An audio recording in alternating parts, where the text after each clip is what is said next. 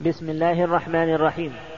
أيها الإخوة بموجب فهرس مكتبة الإبانة السمعية بجدة فإن رقم هذا الشريط هو اثنان ومئة دال على تسعين وستمائة وثلاثة آلاف وهو الشريط الثاني من شرح كتاب المناسك من الروض المربع. باب المواقيت وميقات أهل المدينة ذو الحليفة وأهل الشام ومصر والمغرب الجحفة وأهل اليمن يلملم وأهل نجد قرن وأهل المشرق ذات عرق وهي لأهلها ولمن مر عليها من غيرهم.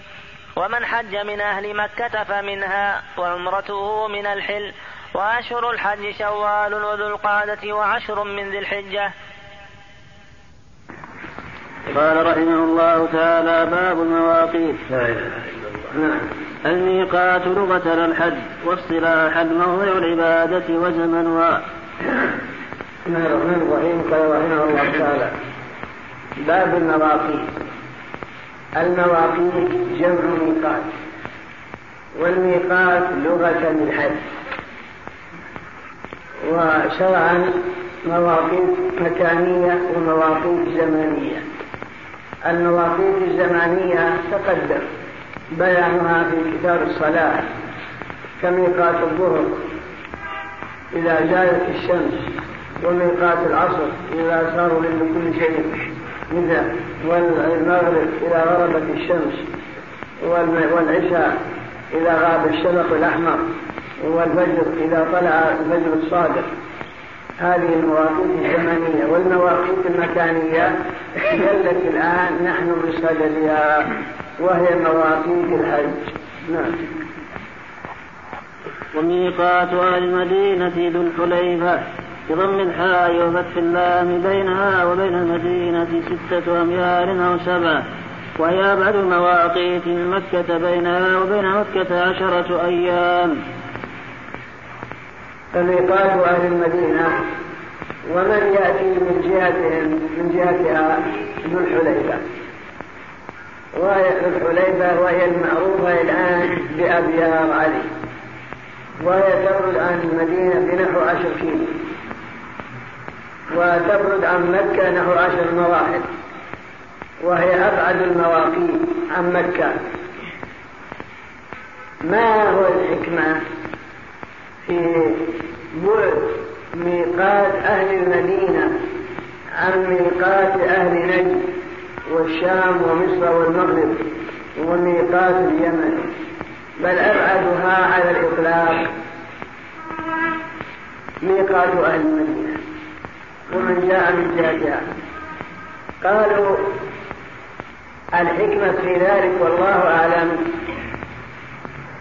سببان. السبب الأول تكريمة للرسول ولأصحابه. وللقاطنين بالمدينة بأن يدخلوا في العبادة فيثابون أكثر من غيرهم.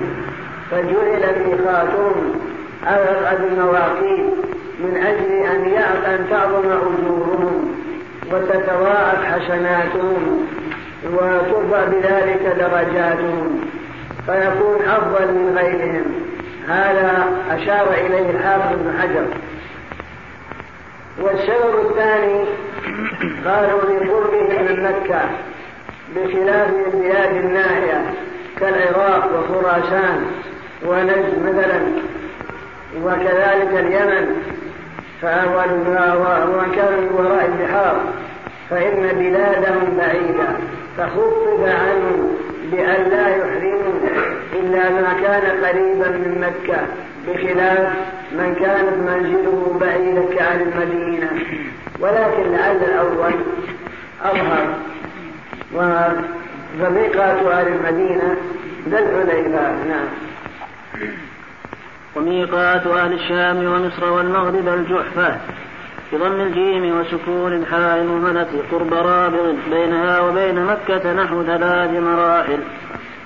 كذلك وميقات مصر والمغرب والشام ومن يأتي من جهتهم ميقاتهم الجحفة وهي بضم الجيم وإسكان الحاء. وهي قرية خراب. قريبة من سميت جحفة لأن السيل جحدها ودمرها وذهب أهلها. فلكن إذا أحرم الرابط لا شك أنه محرم من الجحفة لأن رابط أبعد من الجحفة بقليل جدا فصار الإحرام الآن هو العرابط لقربه من الجحفة ولأنه أبعد منها قليل. نعم. وميقات أهل اليمن يلملم بينه وبين مكة ليلتان. وميقات أهل اليمن يلملم وهو المعروف الآن بالشعبية وهو جبل معروف. فكل من جاء من اليمن من جنوب فميقاته يلملم يقيم ألملم وهو يبعد عن مكة بنحو ليلتين. نعم. وميقات أهل نجد والطائف قرن بسكون الراء ويقال ويقال قرن المنازل وقرن التعالي على يوم وليلة من مكة. هو ميقات أهل نجد وأهل الطائف وغامد وجهران. ومن يأتي من جهتهم قرن.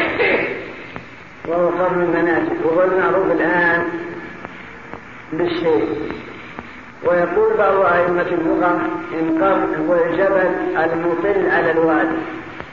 هذا هو قرن فلو أحرمت من القهاوي الآن التي تقع غربي الوادي عليه دم لأنك تجاوزت الميقات بغير إحرام. فالإحرام لا بد أن يكون قبل تدخل في الوادي. الذي مطل عليه الجبل. وكذلك وادي المحرم بكسر الراء الذي يحرم الناس الآن ممن يأتي مع الطائف. قيل إنه امتداد لقرن المنازل. محاليا له وامتدادا له. فالإحرام من حينئذ يكون المحرم محرما من من قبل لأنه ممتد وقيل إنه ممتد إلا أنه إلا أنه محال لقول عمر انظروا حلوها من طريقكم. ولكن أظنها امتداد له نعم. الحج المية عشر من دون الواجب ولكنهم يصيرون بالقهاوي اللي وضعها وسط المساجد والمساجد في ثلاث مساجد واقع لا ما ما ينبغي يصلوا قهاوي ولا مش فيه لازم يصلوا ما تقعد طلعت من الواجب بس الحاره ويصلوا يحكموا منها حاطين مرشدين حاطين خيام دائما في الشيء يبدو الناس الله يليك السبيل يعرف مثل مسجد محرم. وميقات أهل المشرق أي العراق وخراسان ونحوهما ذات عرق منزل معروف. سمي بذلك لأن فيه عرقا وهو الجبل الصغير. بينه وبين مكة نحو مرحلتين. كذلك. وميقات أهل العراق وخراسان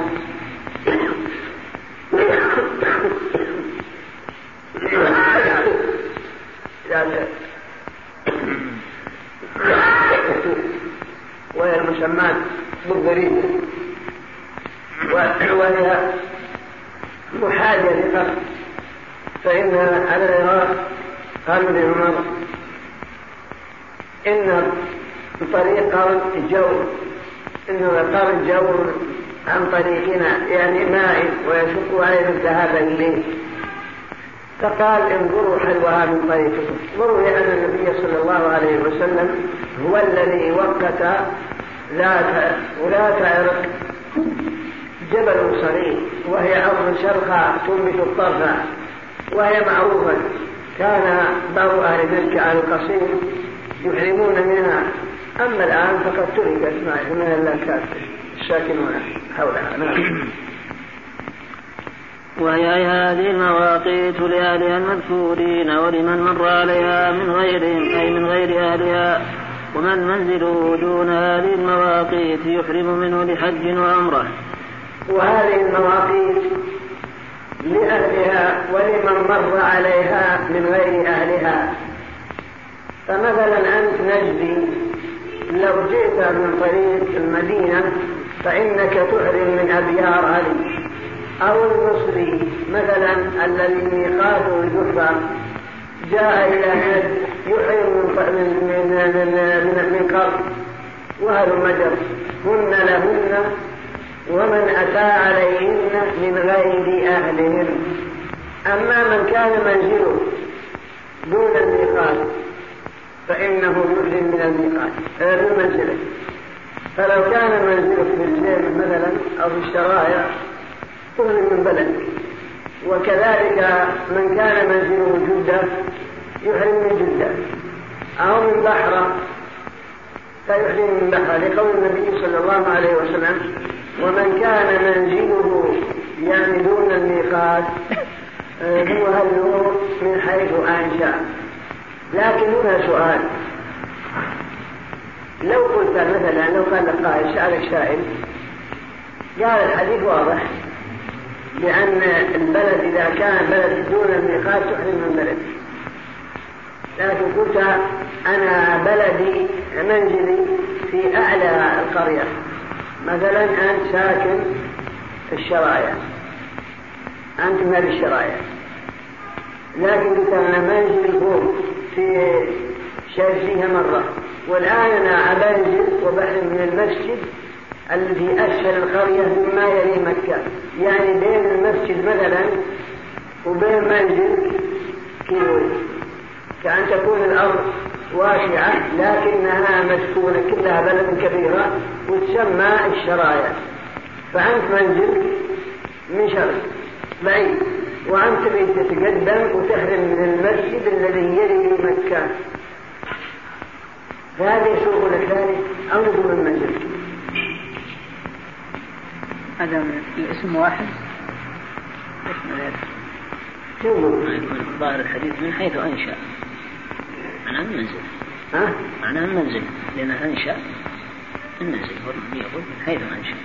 مثلا تقول عند جدة مسكنك منك على ساحل البحر وتبي تجي تحلم في حول في أدنى جلد مما يلي مما يلي مكة عن السكة. ما أنشأ الإحرام من هذا أنشأ من إنسان ليه؟ يقول كذا ما يجي الرسول ما قال من فيه يشمل هذا ويشملها اسم واحد؟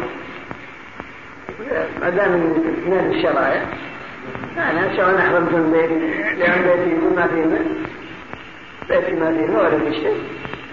وهذا هذا المسجد يعني أرفق بي فيما وهي بحرين إلا أنها أقرب إلى مكة من منزلي إلا أن البنيان متصل بالبلدة واحدة مع باب المعنى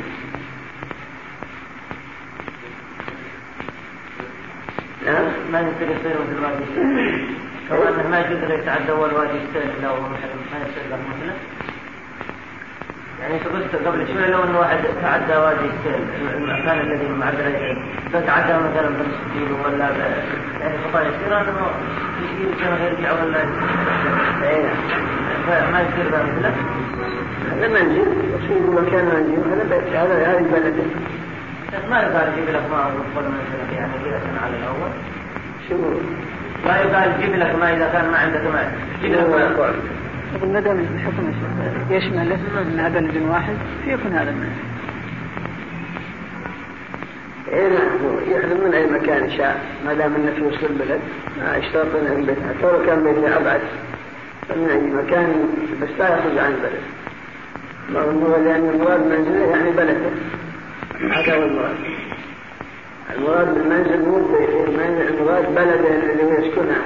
سواء أحرم من أعلاها أو من أسفلها إنما لا يتجاوز المنزل هذا نعم هذا كلام.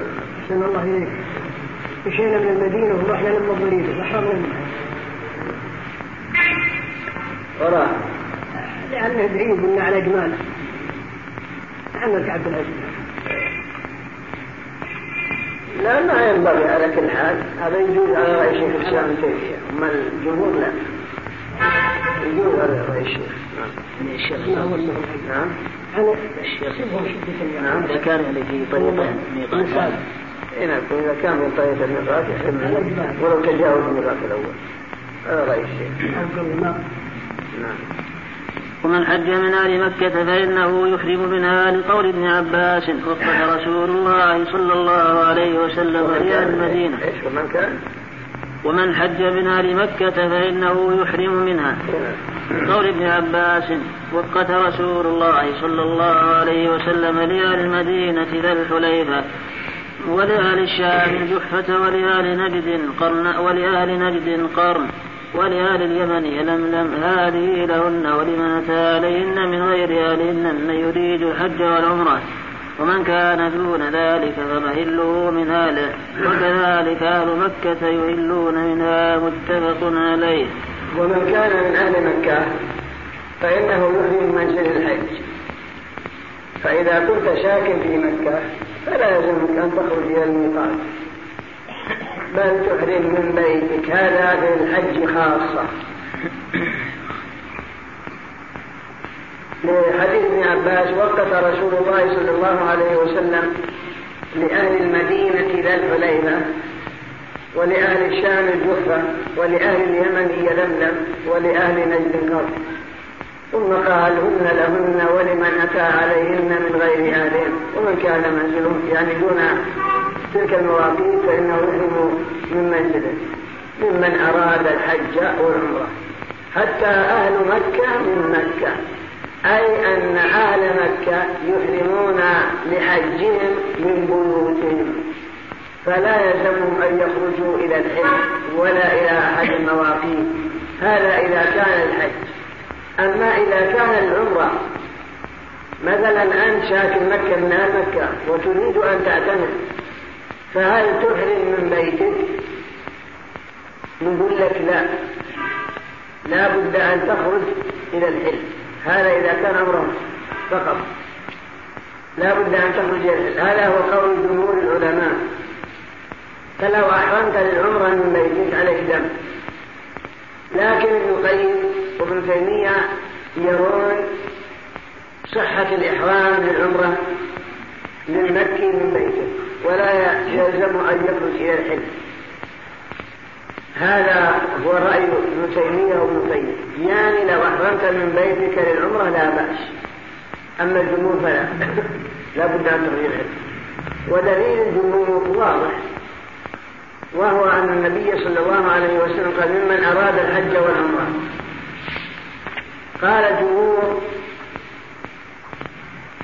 ليس بالحديث ما يدل على جواز إحرامه بالعمرة. من بيته من مكة.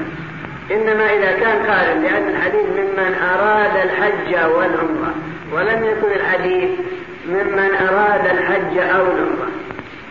إذ لو قال من أراد الحج أو العمرة كان يحرم البيت لا بأس.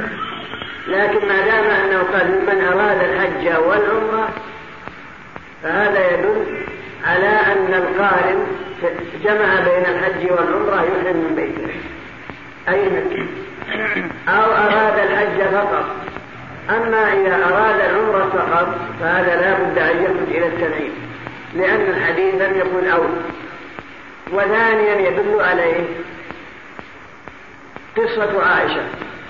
فإن النبي صلى الله عليه وسلم أمر أخاها عبد الرحمن أن يعمرها من التنعيم إذ لو كان جائز أن تحرم من مكة لأمرها أن تحرم من مكانها. في هي في الأبطح لكن أمر أمرها أن تذهب إلى التنعيم أدنى الحل من أجل أن تجمع في إحرامها بين الحل والحرم فإنك لو أحرمت العمرة من بيتك صار أعمالك كلها داخل الحرم. كلها داخل الحرم. فهو لا بد أن تجمع في إحرامك بين الحل والحرم بخلاف الحج أو الحج والعمرة. لأنك تخرج خارج الحل بالوقوف بعرفة. هذا هو قول الجمهور. نعم. دليل ابن القيم. نعم. إيش استدل به الشيخ ممن أراد الحج والعمرة يعني يقولون إن الواو بمعنى أو. إيه؟ هذا هذا لكن المحب الطبري نقل عن ابن حجر. يقول المحب الطبري لا أعلم خلاف بين أهل العلم على أن المعترف المكي لا بد أن يخرج من العلم ولم يقل أحد من أهل العلم أنه يحرم من مكة. قال لا أعلم به خلاف لا ما له كلام طيب نعم.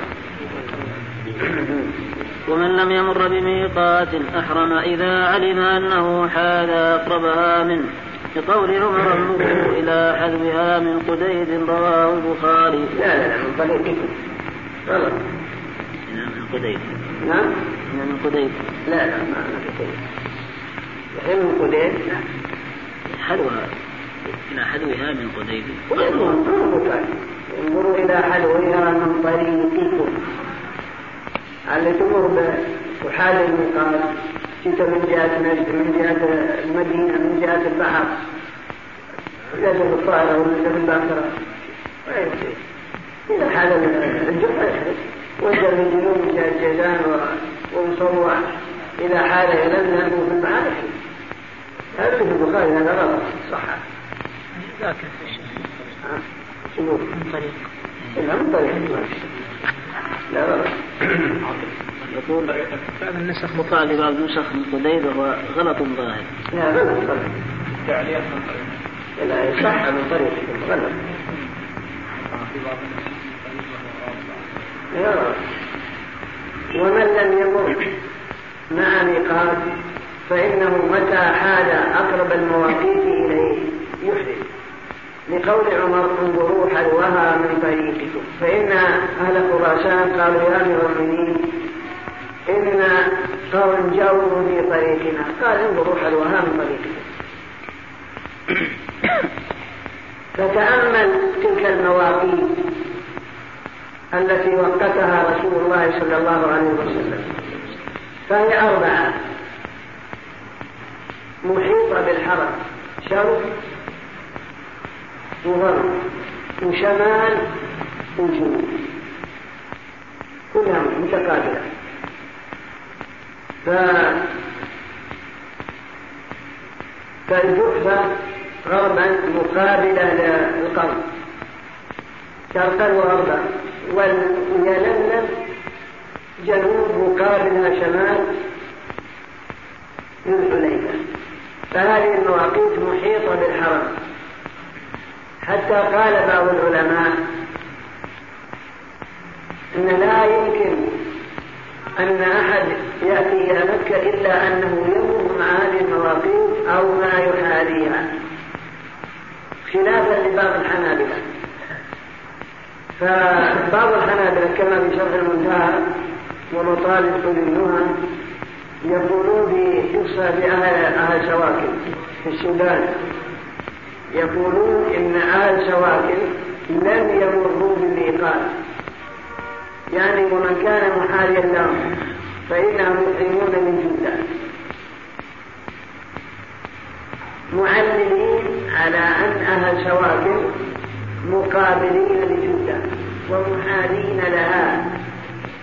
لم يفصل بينهم إلا البحر. فهم لا يمرون بالجحفة ولا يمرون بيلملم ولا بمحالاتها وإنما يحرمون إلى وجه جدا هذا هو الذي في شرح المنتهى ومطالب أولي النوع. ولكن كثير من العلماء يقولون لا. ولا بد حتى حتى الذي يأتي من شواكل لا بد من أن يحاذي يلملم أو الجحفة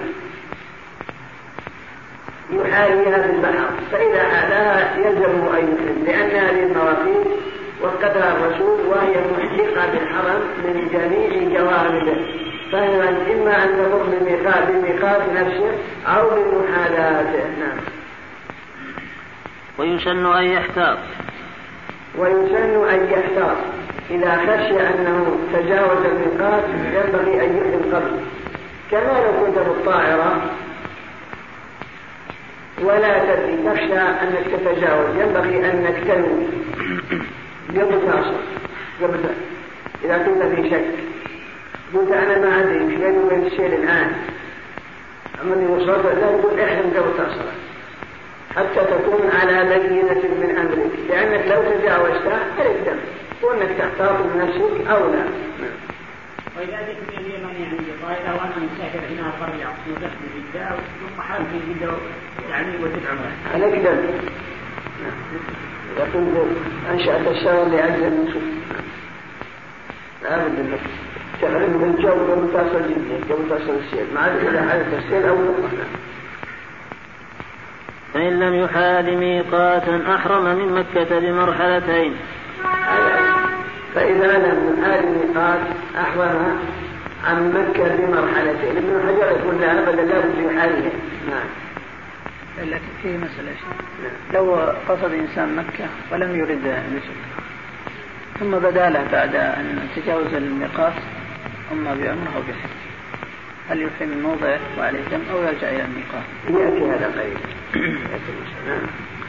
وعمرته أي عمرة من كان بمكة يحرم لها من الحل لأن النبي صلى الله عليه وسلم أمر عبد الرحمن بن أبي بكر أن يعمر عائشة من التنعيم متفق عليه. ومن كان بمكة مريدا للعمرة فإنه يحرم من الحل. كما تقدمت الإشارة إليه قريبا بدليل أن النبي صلى الله عليه وسلم أمر عبد الرحمن أن يذهب بأخته عائشة إلى التعيين فتحرم منه. إذ لو كان جائز لأمرها أن تحرم من مكانها من نفس الحرم. نعم. ولا يحل لحر مسلم مكلف أراد مكة أو النسك تجاوز الميقات بلا إحرام. إلا إلا لقتال مباح أو خوف أو حاجة تتكرر كحطاب ونحوه. ولا يحل لمسلم مكلف يؤمن بالله واليوم الآخر قاصدا مكة أو قاصدا النسك أن يتجاوز الميقات بغير إحرام. يعني لو جئت تريد مكة ما أردت لا حج ولا عمرة.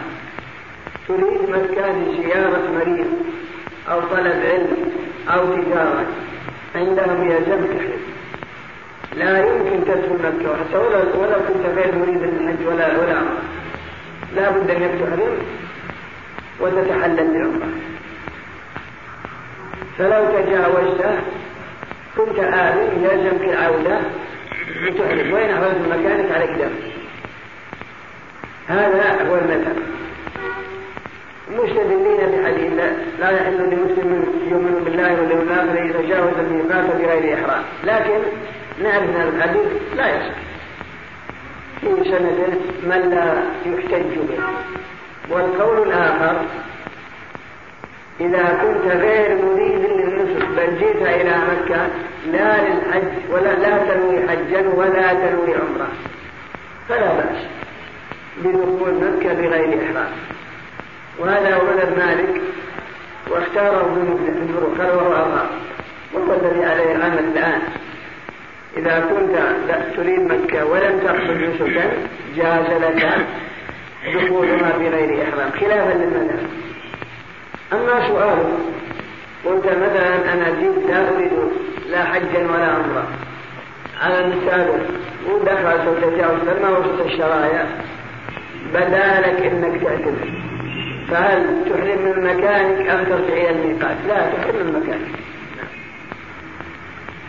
إلا لقتال مباح أو خوف أو حاجة تتكرر كحطاب ونحوه. إلا لقتال مباح يجوز له أن يدخل مكة بغير إحرام إذا كان فيها قتال مباح لا بأس تدخل بالسلاح ما دام في أبو غار خرجوا على الإمام وتريد مناصرة الإمام فإن قتال هؤلاء مباح.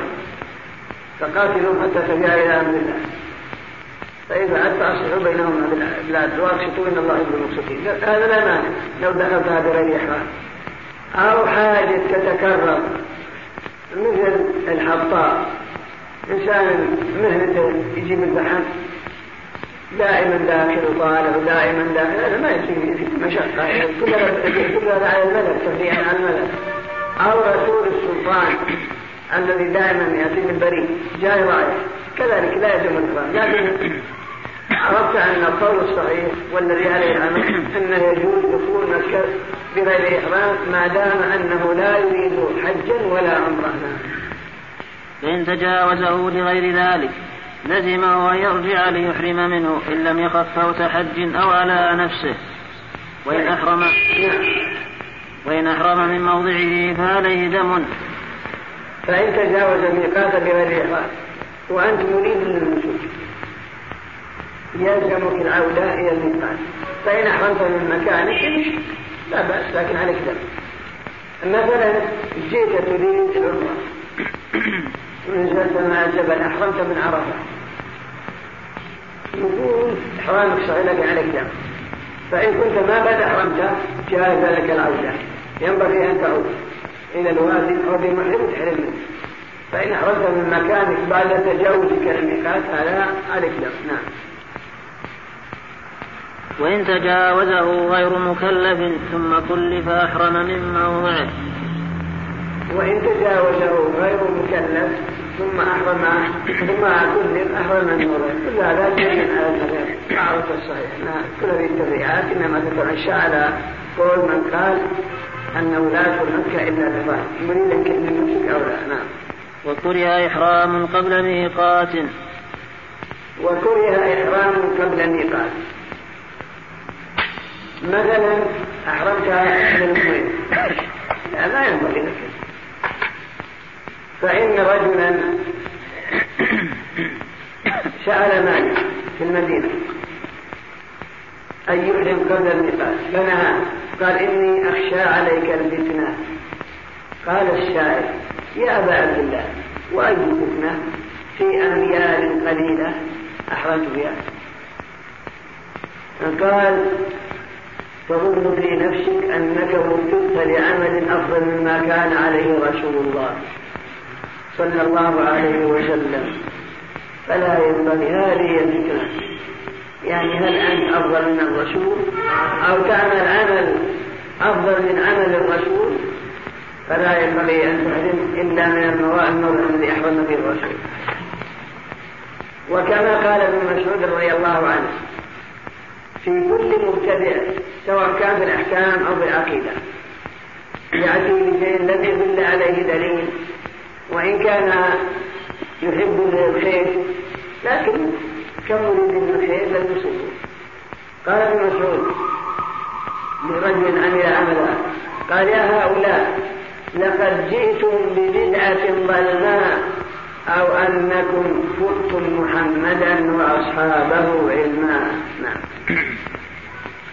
وبحج قبل أشهره وينعقد ويكره أن يحرم بالحج قبل أشهر كما لو أحرم في رمضان. على أحرام حتى الحج هذا كله لا مفهوم ما ينبغي. نعم. وأشهر الحج شوال وذو القعدة وعشر من ذي الحجة. منها يوم النحر وهو يوم الحج الأكبر. وأشهر الحج شوال وذو القعدة وعشر من الحجة. وهو في قوله تعالى الحج أشهر معلومات. شوال وعشر من الحجة ويوم العرفة ويوم يوم يوم النحر هو يوم الحج الأكبر. وهذا هو الذي رجحه ابن القيم. ويوم عرفة هو يوم الوفادة. فالناس يريدون على الله يوم عرفة ويسألون ويوم العيد هو يوم الجوائز. كل يعطى نصيبه من الأجر على قدر نيته وعلى قدر عمله وإخلاصه. في عمله. فهو يوم الحج الأكبر يوم ويوم الجوائز. أما الآن فنترككم مع مجلس آخر من هذا الشرح. باب الإحرام نية النسك. سن لمريده غسل أو تيمم لعدم وتنظيف وتطيب وتجرد من مخيط.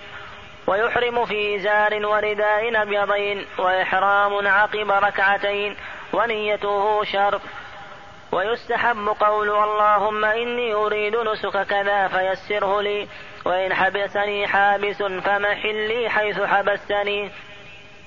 بسم الله الرحمن الرحيم. قال رحمه الله تعالى باب الإحرام. لغة الدخول في التحريم. لأنه يحرم على نفسه بنيته ما كان مباحا له قبل الإحرام من النكاح والطيب ونحوهما.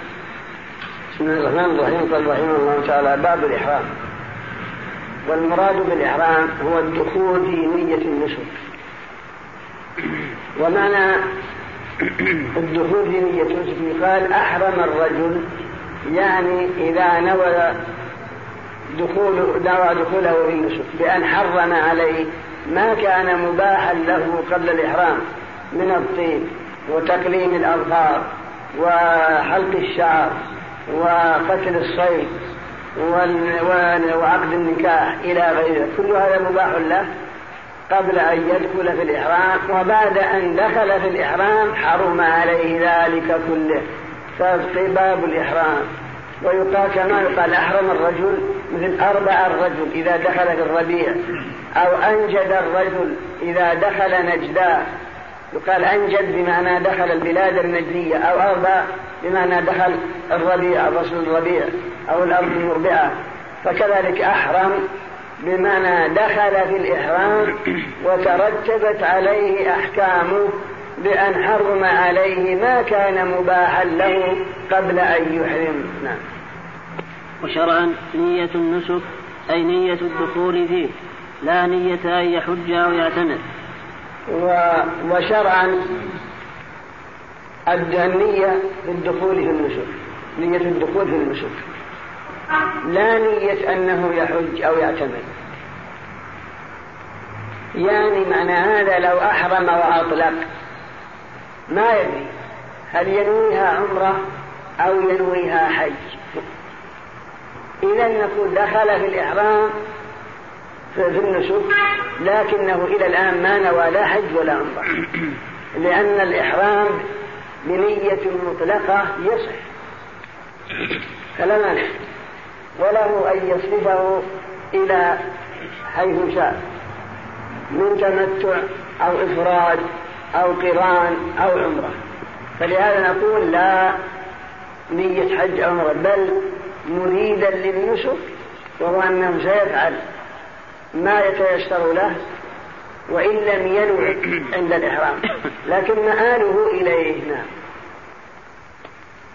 سن لمريده أي مريد الدخول في النسك من ذكر وأنثى غسل ولو حائضا ونفساء لأن النبي صلى الله عليه وسلم أمر أسماء بنت عميس وهي نفساء وأن تغتسل رواه مسلم وأمر عائشة بإهلال الحج وهي حائض.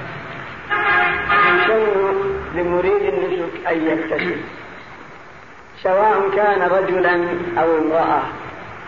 والمرأة كان سواء كانت حائض أو نفساء أو غير ذلك. فإن النبي صلى الله عليه وسلم أمر أسماء بنت عميس امرأة أبي بكر بأن تغتسل. وقد نفست ولدت محمد بن أبي بكر وهي محرمة وهي في عند الشجرة. فأمرها صلى الله عليه وسلم أن تستثر وأن تغتسل وتحرم. قال هذا يدل على أن المرأة الحائض أو النبساء عندما تريد الإحرام يسن لها أن تغتسل.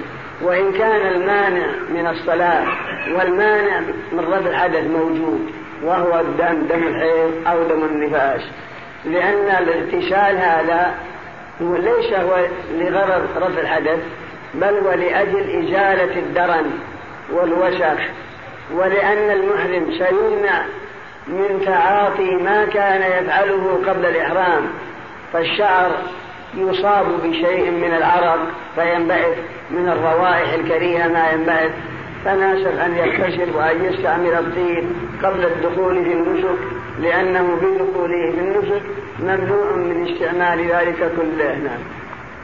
أو تيمم لعدم أي عدم الماء أو تعذر استعماله لنحو مرض وإذا كان عادما للماء فإنه يتيمم عند الإحرام.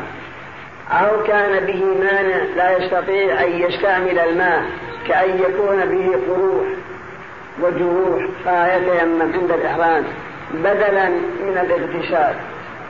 هذا هو رأي المتأخرين من الحنابلة. لكن اختار الموفق أنه لا داعي إلى التيمم.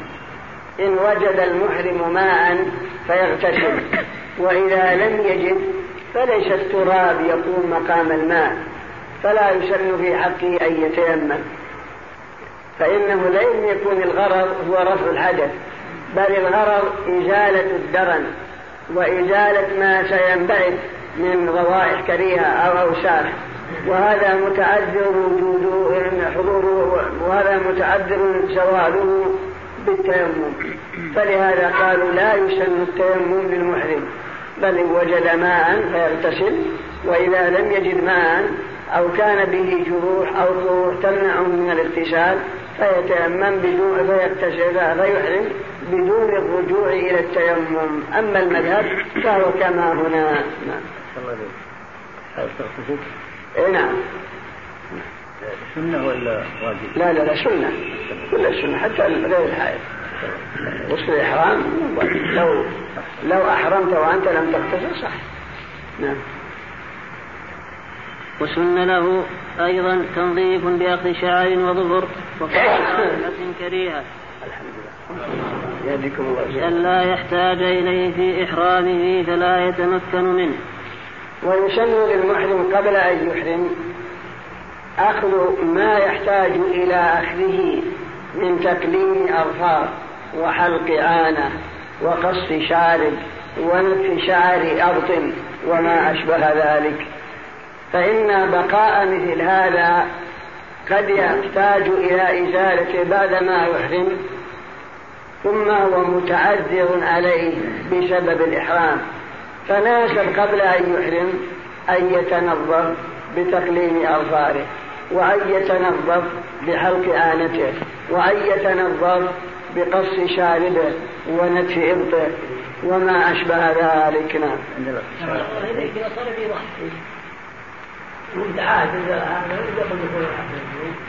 إذا كان قبل دخول العشر اليوم يغتسل ما في مانع يأخذ من شهر. أما إذا دخلت العشر وهو يريد أن يضحي لا يأخذ شيء.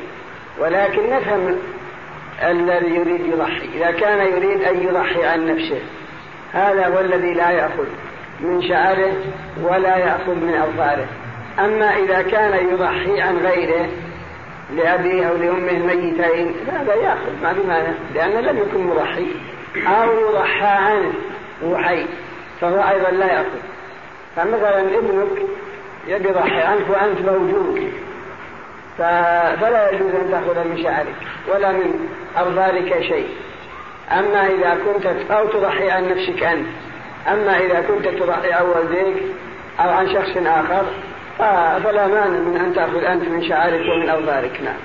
الله عليك. اللي على جنابه ما له يحرم. إيش؟ اللي على جنابه. شيء. ولا هو في العجل ما له يحرم. إيش؟ ما يحرم. إلا يحرم لك يجب عليه يغتسل نعم يجب عليه يغتسل من الجنابة لكن لو أحرم على الجنابة صح إحرامه لكن ما يجوز لا يصلي حتى يغتسل وسن له أيضا تطيب في بدنه بمسك أو بخور أو ماء ورد ونحوها. بقول عائشة كنت أطيب رسول الله صلى الله عليه وسلم لإحرامه قبل أن يحرم ولحله قبل أن يطوف بالبيت. وقالت كأني أنظر إلى وبيص المسك في مفارق رسول الله صلى الله عليه وسلم وهو محرم متفق عليه. ويسن للمحرم قبل أن يحرم أن يستعمل الطيب في بدنه لا في إحرامه. يعني لا ينبغي له أن يطيب الثوب أو الإزار الذي يريد أن يحرم فيه. هذا مكروه كما يأتي. وإنما تطيب بدنك كلحيتك وشاربك والمفرق وما أشبه ذلك. قالت عائشة رضي الله عنها كنت أطيب رسول الله صلى الله عليه وسلم لإحرامه قبل أن يحرم ولحله قبل أن يطوف بالبيت. فقولها كنت أطيب رسول الله لإحرامه قبل أن يحرم. نفهم من هذا مشروعية الطيب قبل أن يحرم أي عند الإحرام. وفي الحديث الآخر قال كأني أنظر إلى وبيص المسك. في مفرق رسول الله صلى الله عليه وسلم. الوبيص هو اللمعان. يعني انظر إلى لمعان وبريق المسك في مفرق رسول الله. لأنه استعمله قبل أن يحرم وبقيت آثاره فيه بعد أن أحرم. فيسن لك قبل أن تحرم أن أن تطيب بدنك. لا ما تحرم لا ما تحرم فيه من إزار ورداء. ثم أيضا لو تطيبت قبل أن تحرم بأن طيبت جبهتك ولحيتك ثم دخلت في الإحرام ونويت النسك وأحرمت. فهل يجوز أن تنقل من لحيتك إلى أنفك كما لو شممت رائحة كريهة وتريد أن تقطع تلك الرائحة بشم ما في لحيتك أن تنقله بأصبعك إلى أنفك نقول لك لا هذا لا يجوز. ما لا يجوز لك أن تنقل الطيب بعد الإحرام من موضع من بدنك إلى موضع. لكن لو نقله العرق كما لو طيبت رأسك أو جبهتك ثم سال العرق ونقله إلى لحيتك أو إلى أنفك لا مانع. لكن لو نقله العرق كما لو طيبت رأسك أو جبهتك ثم سال العرق ونقله إلى لحيتك أو إلى أنفك لا مانع. أما من أنك تنقله أنت بأصبعك من مكان إلى مكان فلا نعم وكره أن يتطيب في ثوبه وله استدامة لبسه ما لم ينزعه فإن نزعه فليس له أن يلبسه قبل غسل الطيب منه. ويكره أن يطيب ثوبه الذي يهرم فيه وهو الإزار والرداء. لا ينبغي أن تطيبه إنما تطيب البدن لكن فرضنا أنك طيبت الرداء كما يفعله العامة. صاروا هلكم طيبينه؟ وأحرمت به. ما في مانع. أحرمته لكن لو نزعت ما جاز لك إعادته مرة أخرى. إلا بعد غسل وإزالة ما فيه من طيب. مثاله قلنا أنه لا ينبغي أن تحرم في إزار ورداء مطيبين لكن أحرمته نقول ما في معنى ما, عليك لما أحرمت في الرداء وأردت أن تشتغل نزلت رداك الذي أنت محرم فيه. ما بقي عليك إلا الإزار. ثم أردت أن تلبس مرة أخرى يقول لا. ما دام مطيب خلاص. إنما لك استلامة دون الابتداء. لا يجوز لك أن تلبسه مرة أخرى إلا بعد غسله وإزالة ما به من طيب. نعم. ومتى تعمد مس ما على بدنه من الطيب أو نحاه عن موضعه ثم رده إليه أو نقله إلى موضع آخر فدا لا إن سال بعرق أو شمس. هذا معناه ما تقدم. فمتى نقل المحرم الطيب من موضع إلى موضع من بدنه أو نحاه فإنه يفدي لأنه أصبح متطيب. أما إذا سأل من غير اختيار بعرق ونحو فهذا لا شيء عليه كما مر. نعم. وسن له أيضا تجرد من مخيط وهو كل ما يخاط على قدر الملبوس عليه كالقميص والسراويل لأنه عليه الصلاة والسلام. تجرد لهلاله رواه الترمذي. ويسن أن يتجرد من المخيط يعني قبل أن يحرم وإلا إذا أحرم تعرف أنه يجب وجوب معه سنة. إنما المراد يسن أنك لا تحرم إلا في إزار ورداء لكن لو نويت الدخول بالنسوك وعليك مثلا مخيط حالا اخلعه فلا يجوز لك استدامته والمخيط هو كل ما خيط على قدر عضو كالفنيلة وكالسروال وما أشبه ذلك. وسن له أيضا أن يحرم في إزار ورداء أبيضين نظيفين ونعلين لقوله عليه الصلاة والسلام وليحرم أحدكم في إزار ورداء ونعلين رواه أحمد والمراد بالنعلين التاسومة ولا يجوز له لبس الشروزة والجمجم قاله في الفروع ويسن له أن يحرم في إزار ورداء أبيضين نظيفين. يعني وإن لم يكونا جديدين. ما دام أنهما نظيفين من الأوساخ والدرن هذا كافي ويسن أن يحرم في نعلين. أيضا في إزار ورداء أبيضين مع النعلين. وهما التاشومتان. والنعلين هي التي لم يكن لها شاتر إلى الكعب. كالنعال الموجودة الآن فهي لا تسمى مخيطا بخلاف السجودة والجندم وما أشبه ذلك وهي ماخيط على قدر عروق فإذا كانت تغطي الكعبين فهذا لا يجوز إلا لمن لم يجد عليه. كالسراويل لمن لا, لمن لا يجد الإشار كما تقدم وكما يأتي. نعم. وسن إحرام عقب ركعتين نفلا أو عقب فريضة لأنه عليه الصلاة والسلام. أهل دبر صلاة رواه النسائي. ويسن أيضا أن يحرم عقب صلاة نفلا أو فريضة لأن النبي صلى الله عليه وسلم أحرم عقب الفريضة واختار شيخ الإسلام ابن تيمية أنه ليس للإحرام سنة إنما إن وافق فريضة فنعم كما كان رسول الله صلى الله عليه وسلم. أما من أنه يسن للإحرام ركعتين خاصتين تسمى ركعتي إحرام فلا. هذا هو رأي الشيخ. أما المذهب فإنه يسن ما لم يكن وقت نهي. فإن كان وقت نهي فلا ينبغي أن تصلي. فإذا لم يكن وقت نهي فينبغي أن تصلي ركعتين نعم. ونيته شرط فلا يصير محرما بمجرد التجرد أو التلبية من غير نية الدخول في النسك. لحديث إنما الأعمال بالنيات. ونيته شرط. يعني لا تدخل في الإحرام إلا بالنية.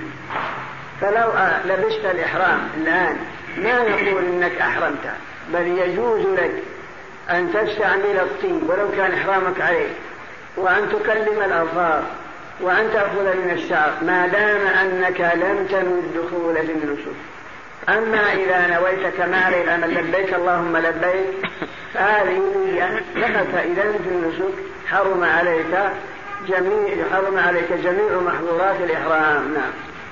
ويستحب قول اللهم إني أريد نسك كذا أي أن يعين ما يحرم به ويلفظ به وأن يقول فيسره لي وتقبلوا مني. ويسن أن يلفظ بالنسك الذي يريده. بأن تقول اللهم إني أريد العمرة أو أريد العمرة متمتعا بها إلى الحج أو أريد الحج أو أريد العمرة والحج. هذا لا بأس يسن أن تتلفظ بالنسك الذي تريده. وإلا فمجرد النية كافي لقول النبي صلى الله عليه وسلم إنما الأعمال بالنيات. وأن يشترط فيقول وإن حبسني وإن حبسني حابس فمحلي حيث حبستني. كقوله صلى الله عليه وسلم لضباة بنت الزبير حين قالت له إني أريد الحج وأجدني وجعه فقال حجي واشترطي وقولي اللهم محلي حيث حبستني متفق عليه. زاد النسائي في رواية إسنادها جيد. فإن لك على ربك ما استثنيت فمتى حبس بمرض أو عدو أو ضل عن الطريق. حل ولا شيء عليه. ولو شرط أن يحل متى شاء. أو إن أفسده لم يصح الشرط. ويسن أيضا أن يشترط بأن يقول اللهم إني أريد الحج والعمرة مثلا أو أريد العمرة متمتعا بها إلى الحج فيسرها لي وإن حبسني حابس فمحلي حيث حبستني.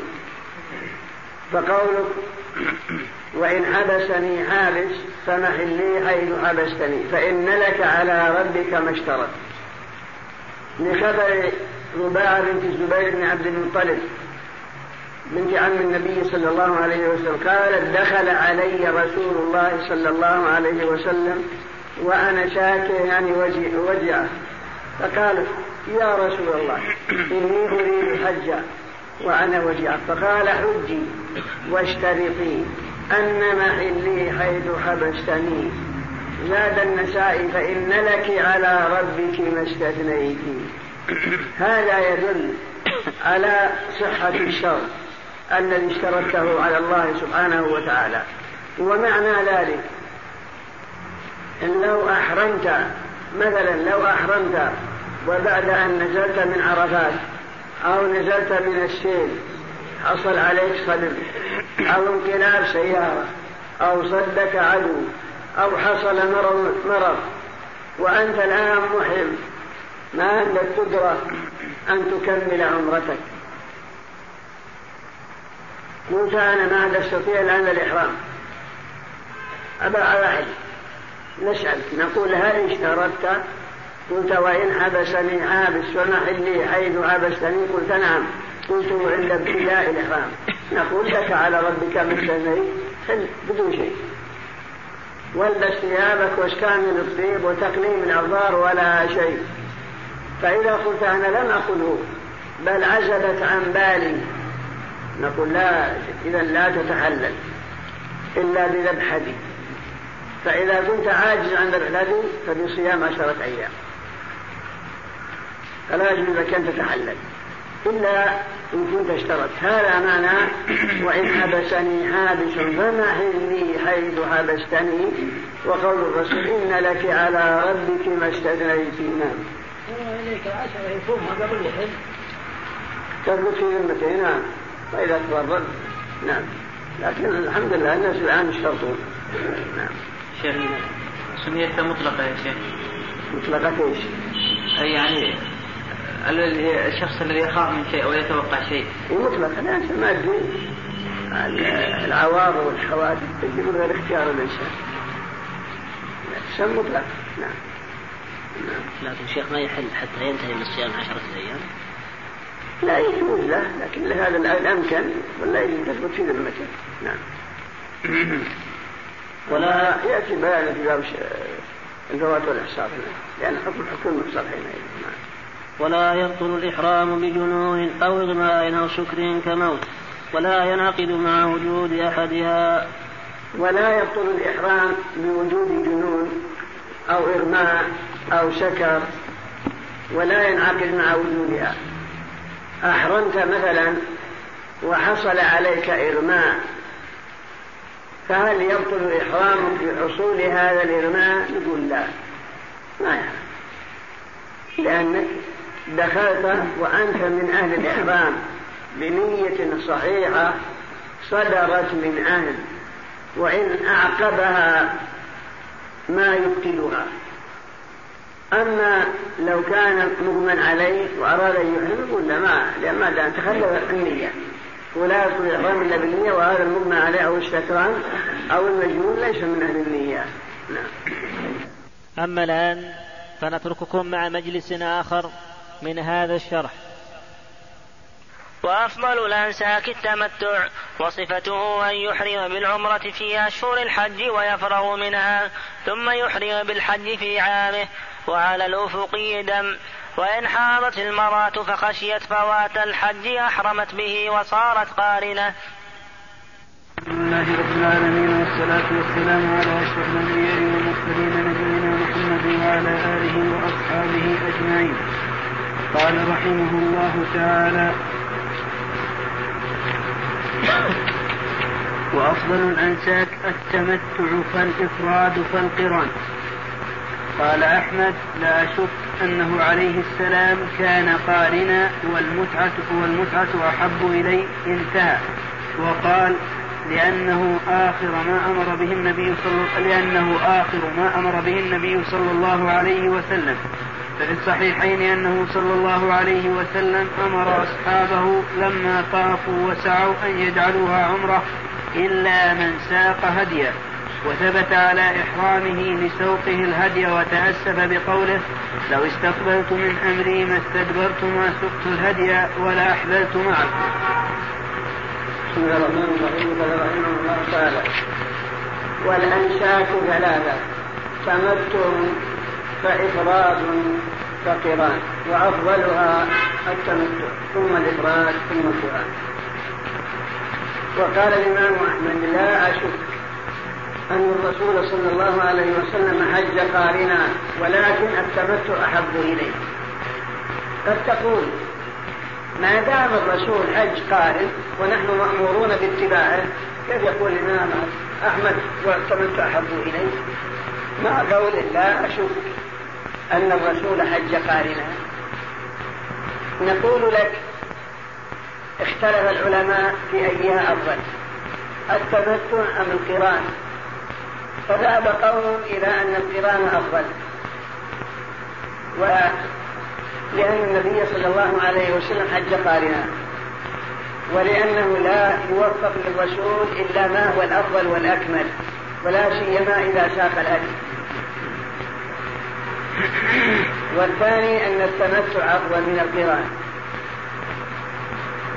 حتى ولو ساق الهدي وهذا هو المذهب. والدليل على هذا أن التمتع أفضل من القرآن إني أولا الرسول أمر أصحابه الذين أحرموا بالحج أو قرنوا بين الحج والعقل والعمرة ولم يسوقوا الهدي أمرهم أن يجعلوها عمرة.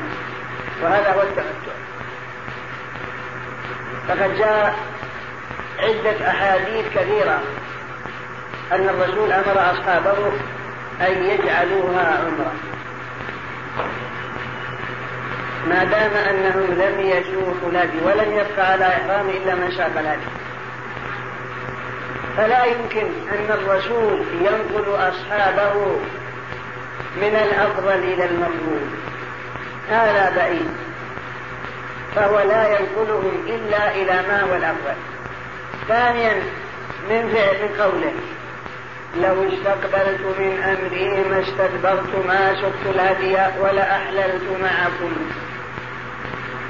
فتأسف صلى الله عليه وسلم على سوقه الهدي وتمنى أنه لم يسوق الهدي من أجل أن يتحلل معهم. فلا يتأسف إلا على ما هو الأفضل. لو استقبلت من أمري ما استدبرت ما سقت الهدي ولا أحللت معكم قالوا هذا يدل على أن التمتع أفضل. بعيد كل البعد أن الرسول يأمر أصحابه بفسخ الحج إلى العمرة. ينقلهم من الأفضل إلى المفضول؟ لا يمكن هذا. وبعيد كل البعد أن يتأسف على ما على ما على على فوات المفروض أبدا. قال الإمام أحمد كل هذا يدل على أن التمتع أفضل. وما منع الرسول من التحلل بعمرة إلا سوق الهدي هذا وحاصل له ثانيا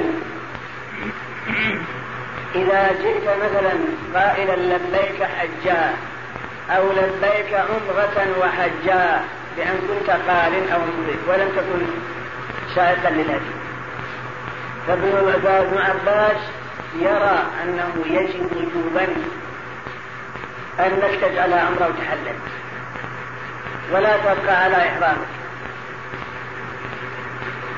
ويقول لأن الرسول أمر أصحابه بذلك وحتى كبرت في نفوسهم وضاقت به صدورهم. قالوا أيخرج أحد أحدنا إلى من وذكره يقتل من الملك قال نعم. وقال سراقة ألعامنا هذا أم للأبد قال بل لأبد الأبد. قال قال يدل على أنه يجب على الحاج المفرد أو القارن الذين لم يسوقوا الهدي أن يفسخوها عمره هذا رأي ابن عباس.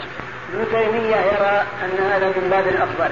بأن يجعلها عمره وابن القيم يقول أنا إلى قول ابن عباس أميل يعني موجود أنا إلى قول ابن عباس أميل مني منه إلى قول شيخنا الذي يقول بالإستحباب القبر. نعم. وصفته أي التمتع أن يحرم بالعمرة في أشهر الحج ويفرغ منها ثم يحرم بالحج في عامه من مكة أو قربها أو بعيد أو بعيد منها. كذلك. وصفة التمتع. أن يحرم بالعمرة في أشهر الحج وهي شوال وذو القعدة وعشر ويتحلل منها. أو يحرم يحرم من مكة. أو قريبا منها أي دون مسافة قصر. أو بعيدا يحرم بعمرة ثم يتحلل. تأتي الآن من الرياض تروح هناك في أشهر الحج وتأتي بعمرة متحلل أنت متمتع. أو أنت باق في مكة. صمت رمضان وبقيت في مكة. إن جئت بعمرة في أشهر الحج فأنت متمكن وإذا لم تأتي بعمرة في أشهر الحج فأنت مدرك. إذا أحرمت بالحج فقط أو أو قرب بمكة كمن جدة وما أشبه ذلك. نعم. والإفراد أن يحرم بحج ثم بعمرة بعد فراغه منه. والإحرام هو الإفراد وأفضل من القران. أن يأتي بالحج ثم يأتي بعمرة بعد الفراغ من الحج لأنه جاء بنسكين كل نسك مستقل وحده. جئت من بلدك محرما بالحج. فرغته ثم بعد الفراغ تأتي بعمرة. نعم. والقرآن أن يحرم بهما معا أو بها ثم يدخله عليها قبل شروعه في طوافها ومن أحرم به. كذلك وهذا هو القرآن.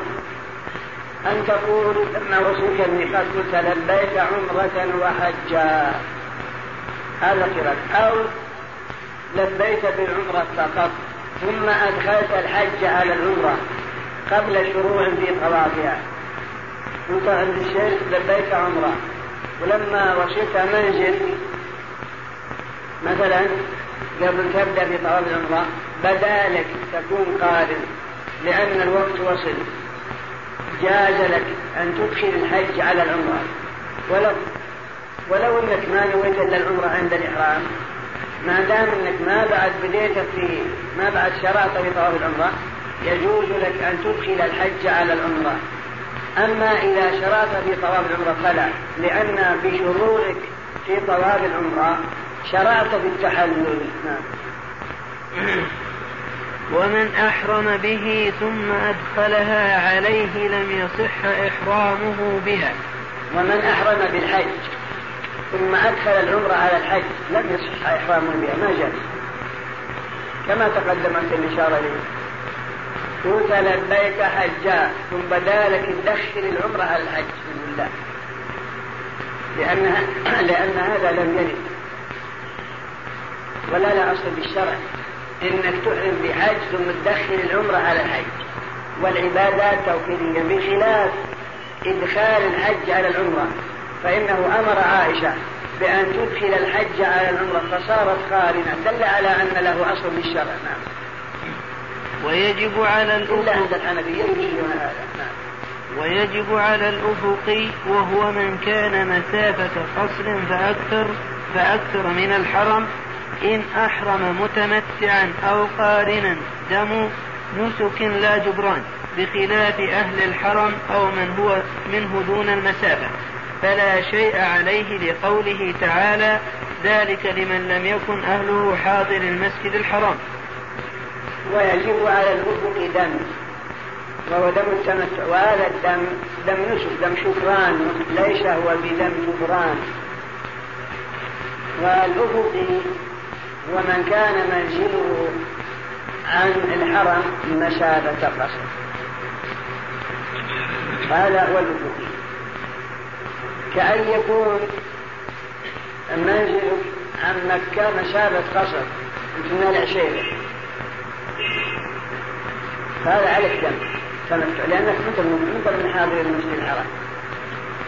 إنما حاضر المسجد الحرام هو من كان مقيما بمكة أو كان قريبا من الحرم دون مسافة قصر.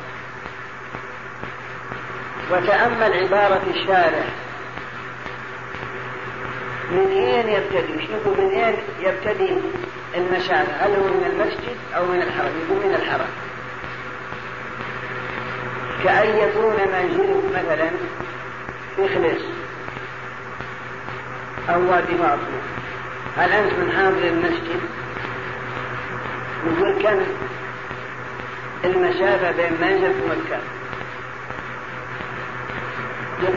من يومين ثم سألته قلت طيب منزل قصدي إلى المسجد ولا إلى الأميال؟ إن كان إلى المسجد بينه وبين المسجد القصر فإن كان الأميال لا فهو أقل. لأن الأميال من جهة جدة تبقى بعيدة تبقى حوالي 20 كيلو.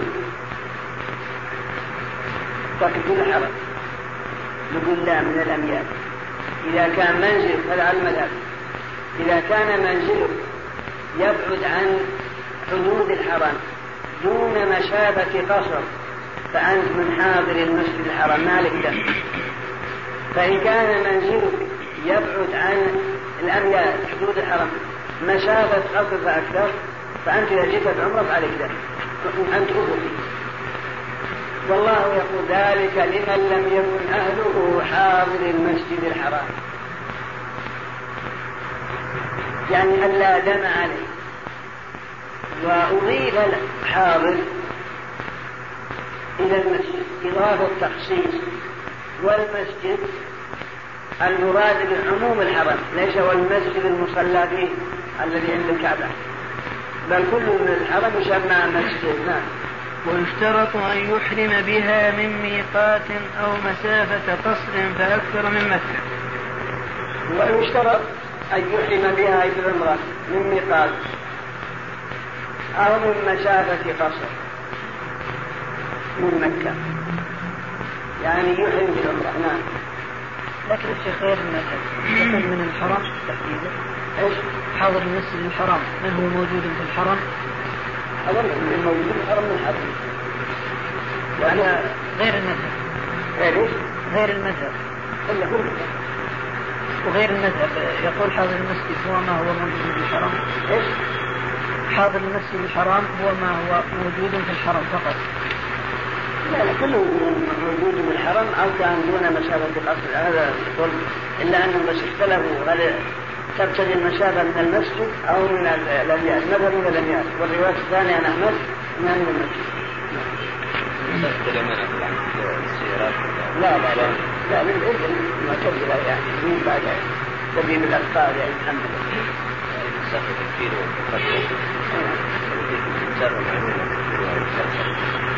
تقريبا 8 كيلو مسافة وأن لا يسافر بينهما فإن سافر مسافة قصر فأحرم فلا دم عليه. ومن شرط وجود دم التمتع أن لا يسافر بين الحج والعمرة مسافة قصر.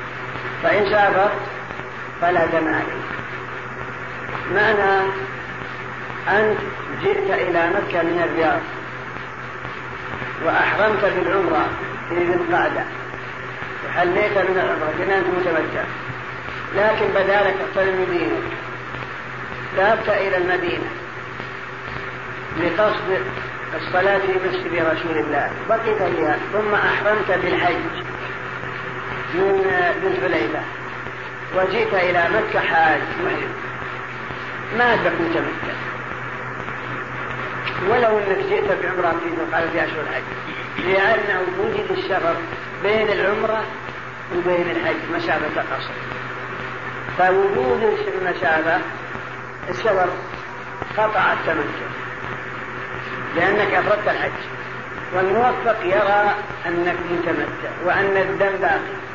وأن مجرد السفر بين الحج والعمرة لا يسقط دم التمتع هذا رأي الموفق أما المذهب لا سقط التمتع طيب يا شيخ في هذه الحالة لو نوى مرة أخرى من مسافة هذا القصر لو إيش؟ لو أحرم من مسافة هذا القصر أحرم مرة أخرى بالعمرة متمتعا بها إلى الحج؟ هذا متمتع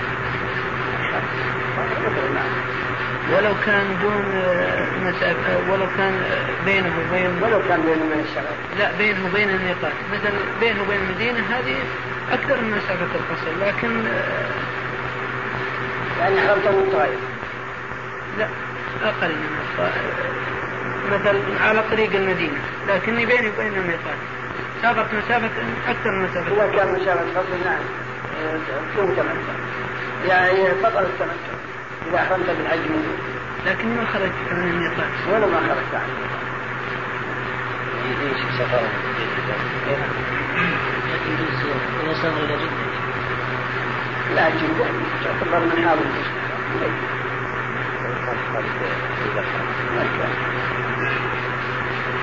هذا كلام تعتبر لأن بنيان مكة مما يلي جدة وبنيان جدة منتهى بنيان جدة مما يلي مكة الذي بين البنيانين.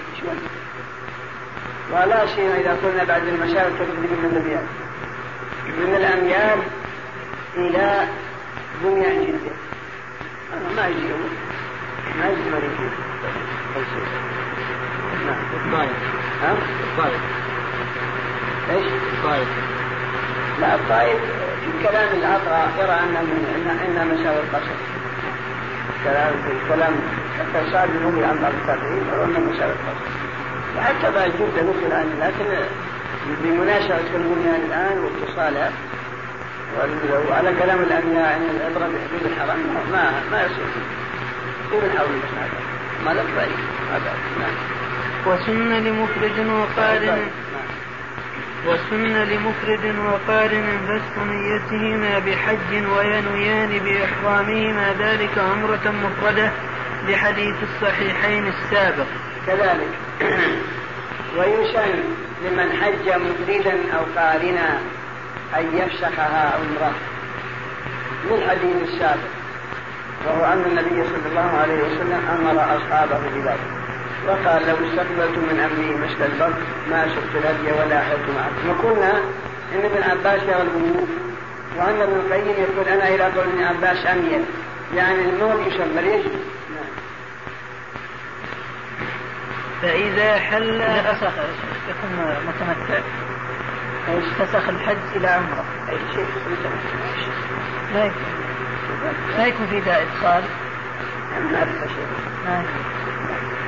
الإدخال بعد على إحرامك أنت أحرمت بالعمرة دخلت الحج على العمرة تبقى على إحرام كلام يوم العيد هذا تبين الحج فإذا يأتي للحج ما يمشي سفرا يجيب ولا؟ يعني كان لا لا يعني يكتفي بال هذا كان ولا إذا كان ما بعد قبل نعم يعني ابن عباس نعم ابن عباس يرى أن التمتع منسوخ شو؟ يقول ابن عباس يرى التمتع منسوخ في حديث دخلت لا ابن عباس يقول الرسول أمر أصحابه من يرى من أمر من أمر من حج مفردا أو ولم يسق الهدي الرسول أمر من أمر ايجاد بان يجعلوه عمره وهذا ما يقول عباس يوشك أن تنزل عليكم حجارة من السماء أقول قال رسول الله صلى الله عليه وسلم وتقولون قال أبو بكر وعمر كل شيء ما قال بعض العلماء؟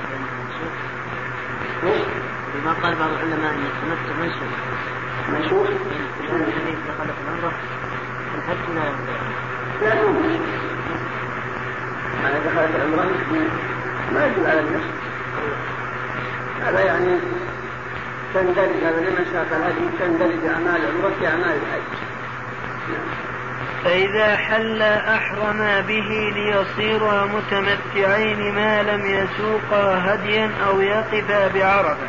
فإذا أحرم بحج مفرد أو مفرد أو قارن ولم يكن ساق الهدي يسن أن يمسكها إلى عمرة فإذا مسكها إلى عمرة يتحلل وهذا ما لم يسق الهدي فإن ساق الهدي لا يجوز ولا تحلقوا رؤوسكم حتى أولوا ولا محله أو يكون واقفا بعرضة لأنه اشتغل بالركن الأعظم من الحج وإن ساقه متمتع لم يكن لم يكن له أن أن يحل فيحرم بحج إن طاف وسعى لعمرته قبل حلق فإذا ذبحه يوم النحر حل منهما.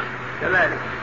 والمتمتع لو ساق الهدي لا يجوز له أن يتحلل.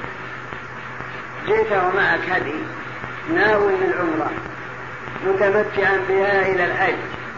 طفت وسعيت للعمرة نقول داخل الحج. على عمرة ما يجوز لك الآن. ما دام معك معك هدي ما يجوز لك تحلل لأن الله يقول ولا تحلقوا رؤوسكم حتى يبلغ الهدي محله. ولأن النبي صلى الله عليه وسلم يقول لولا لو استقبلت من أمري ما استدبرت ما شفت الهدي ولا أحللت معكم فدل على أن الذي منعه من التحلل هو وجود الهدي. نعم. وإن حابت المرأة المتمتعة قبل طواف العمرة فخشيت فوات الحج أحرمت به وجوبا وصارت قارنة لما روى مسلم أن عائشة كانت متمتعة فحاضت فقال لها النبي صلى الله عليه وسلم أهلي بالحج وكذا لو خشي غيرها.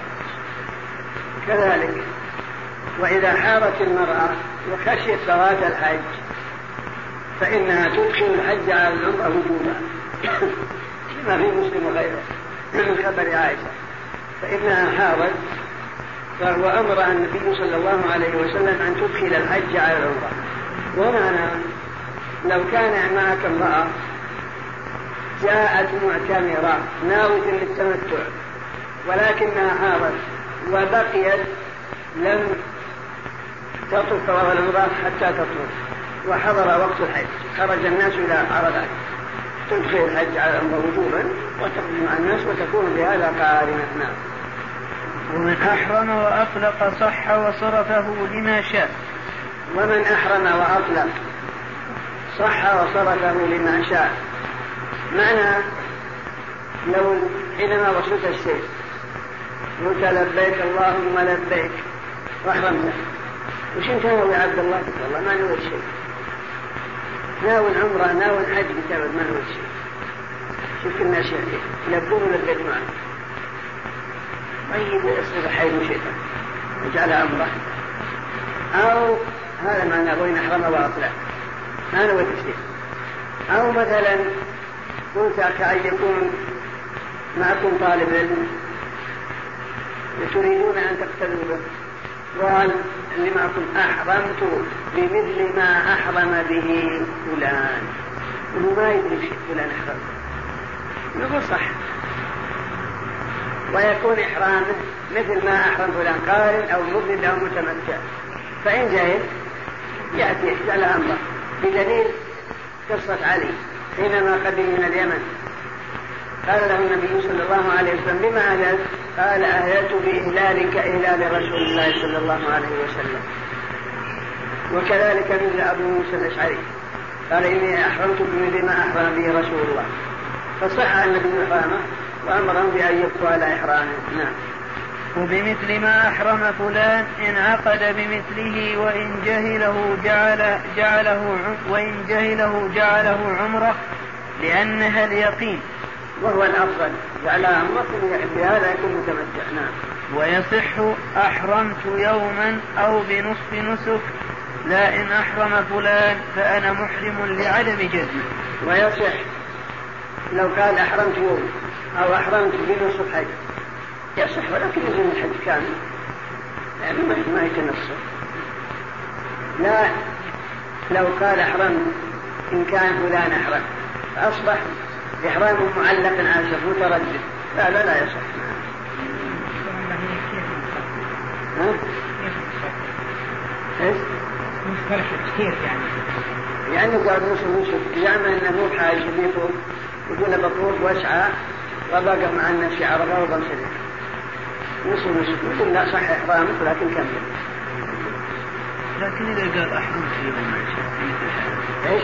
إذا قال أحرم أو أحرمت يوما كذلك أو أحرمت يعني وقت الزمن توقيتا لزمن إحرامه. يصح. ولكن يجب يكمل. ما, ما يتخصص اليوم. إن احتاج لأزود من يوم يلزم يكمل. أما الآن فنترككم مع مجلس آخر. من هذا الشرح. وإذا استوى على راحلته قال لبيك اللهم لبيك لبيك لا شريك لك لبيك إن الحمد والنعمة لك والملك لا شريك لك. يصوت بها الرجل وتخفيها المرأة. قال رحمه الله تعالى وإذا استوى على راحلته قال قطع به جماعة والأصح عقب إحرامه. لبيك اللهم لبيك أي أنا مقيم على طاعتك وإجابة أمرك. بسم الله الرحمن الرحيم. قال رحمه الله تعالى تقدم لنا بيان الإحرام وكيفيته وما ينبغي للمسلم عندما يريد أن يحرم ما ينبغي له أن يفعله وما ينبغي له أن يجتنبه. تقدم أن المحرم عندما يريد الإحرام يغتسل. وهذا من سنن الإحرام وأنه يحرم في رداء وإزار أبيضين جديدين نظيفين وأنه يستعمل الطيب في بدنه فقط قبل أن يحرم وأنه يصلي ركعتين في غير وقت النهي. وإن صادف فريضة كفى وتقدم أن قلنا إن ابن تيمية لا يرى شرعية الصلاة بالإحرام. ويقول لم يرد فيها شيء إنما إن صادف فريضة الصلاة وإلا لم يكن للإحرام سنة معينة. هذا رأي شيخ الإسلام. أما المذهب وقول الكبيرين هو كما تقدم. وتقدم أيضا أنه يحرم في إزار ورداء أبيضين جديدين نظيفين ويحرم في نعلين وأنه إذا لم يجد النعلين يحرم في الخفين وإذا لم يجد الإزار يحرم بالسراويل وأنه يسن له أن يشترط عند إحرامه فإن له ما استثناه على ربه كما في خبر رباعة بنت الزبير. وتقدم لنا أيضا بيان الأنشاء الثلاثة وهي التمتع والإفراد والقران وأن أفضلها التمتع ثم يليها في الأفضلية الإفراد ثم يليها في الأفضلية القران. وأن, وأن قول جماعة من أهل العلم أن القران أفضل لمن شاق الهدي وأن التمتع وما يشترط له في وجوب دم التمتع والقران تقدم بيانه بشرط ألا يكون من حاضر المسجد الحرام. وإذا كان من المقيمين في مكة القاطنين بها أنه لا دم عليه وهو أن هذا الدم هو دم نسك وتعبد دم شكر لا أنه دم جبران في مقابلة ترك واجب أو فعل محبوب هذا كله قد تقدم. بعد ذلك كله. متى يحرم؟ يعني متى ينوي الدخول بالنسك؟ لأنه لا يكون محرما إلا بالنية. فلولا الإزار والرداء لم يكن محرما بهذا حتى ينوي الدخول في النسك فلولا لبست إحرامك أمس مثلا وبقي عليك يوم ولكنك لم تنوي الدخول في النسك فإن لك أن تفعل كل شيء. إلا تكون محرما بمجرد لبس الإزار والرداء إلا بالنية والنية وأنك تنوي الدخول في النسك مبينا نيتك بقولك لبيك اللهم لبيك لبيك لا شريك لك لبيك أو بالشرط اللهم إني أريد التمتع ويسر لي. كما تقدم. فتلفظ بالنية. قال وإذا استوى على راحلته قال جماعة بل عقب الإحرام. وكله خير. قال لبيك اللهم لبيك. معنى لبيك. معناها مأخوذ من اللب وهو البقاء في المكان. تقول فلان لبى في مكان بمعنى أقام وجلس. فكأن المعنى أنك مقيم على طاعة الله المرة بعد بعد المرة. هذا معنى لبيك اللهم لبيك وهي تدل على التوحيد وإخلاص العبادة له. كما في قولك لبيك اللهم لبيك لبيك لا شريك لك لبيك قلت لا شريك لك. وكانت العرب تقول في تلبيتها لبيك اللهم لبيك لبيك لا شريك لك إلا شريكا هو لك فاملكه وما ملك. أدخل هذا عمرو بن لحي الخزاعي والذي أدخل هذه الزيادة. لما استخرج الأصنام الخمسة وهي صورة ود وسواء ويهود ويعود ونسر كان يقول إلا شريكا ولد تلكأت العرب لم تقبل قوله لما قال إلا شريكا ولد لكن جاء الشيطان فقال لقد تملكه وما ملك. فلهذا دانت بها العرب. حتى جاء رسول الله صلى الله عليه وسلم وأبطلها. وقيل إن المعنى في لبيك اللهم لبيك أن إبراهيم الخليل صلى الله عليه وسلم لما فرغ من بناء البيت هو وابنه إسماعيل. فقال ربنا تقبل منا إنك أنت السميع العليم. أمره الله بأن ينادي للناس أن يحجوا هذا البيت. وأذن للناس بالحج يأتوك رجالا وعلى كل ضامر يأتين من كل فج عميق أي من كل طريق بعيد. لما أمره الله بأن ينادي أن الناس يحجون هذا البيت قال إبراهيم عليه الصلاة والسلام يا رب ومن يبلغهم صوتي؟ يعني من يبلغ هذا الدنيا صوتي؟ فقال نادي الناس بالحج وعلي أبلغهم وأبلغ من كان في أصلاب الرجال. فعند ذلك صعد جبل أبي قبيس ونادى إبراهيم. إن الله بنى له بيتا. فيا أيها الناس حجوا هذا البيت أو كما ورد. فأن تقول لبيك اللهم لبيك كأن المعنى يا ربي دعوتني إلى حج هذا البيت على لسان خليلك خليلك إبراهيم.